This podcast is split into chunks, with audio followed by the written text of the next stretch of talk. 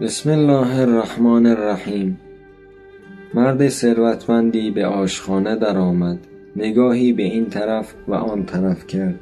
دید زن سیاهپوستی در یک گوشهای نشسته است. به نزد میز خدمت رفت و پولدانش را بیرون آورد و به پیشخدمت نگاه نموده فریاد زد. برای همه کسانی که اینجا هستند طعام می‌خرم. غیر از آن زن سیاه. پیشخدمت پول را گرفت و به همه حاضران غیر از آن زن سیاه طعام رایگان داد. زن سیاه پوست به جای آن که ناراحت شود و چین بر جبینش بیفتد سرش را بالا گرفته به آن مرد نگاه کرد و با لبخند گفت سپاسگزارم. مرد ثروتمند خشمگین شد. بار دیگر نزد پیشخدمت رفت و پولدانش را بیرون آورد.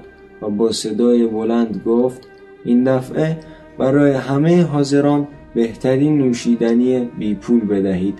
به جز آن زن سیاهپوست دوباره پیشخدمت پول را گرفت و به همه حاضران غیر از آن زن سیاهپوست بهترین نوشیدنی داد.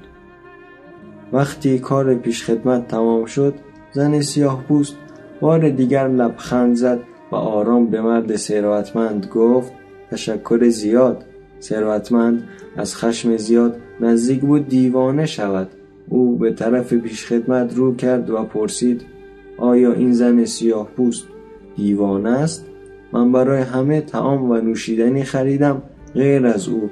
ولی هر بار نه تنها ناراحت و عصبانی نشد بلکه با لبخند از من تشکر کرد و از جایش تکون نخورد. پیشخدمت خندید و گفت نه قربان. آن زن دیوانه نیست او صاحب این آشخانه است. شرایط را درست مدیریت کنیم. چه بسا کارهای دشمنان به نفع ما تمام شوند. چه بسا کارهای دشمنان به نفع ما تمام شوند.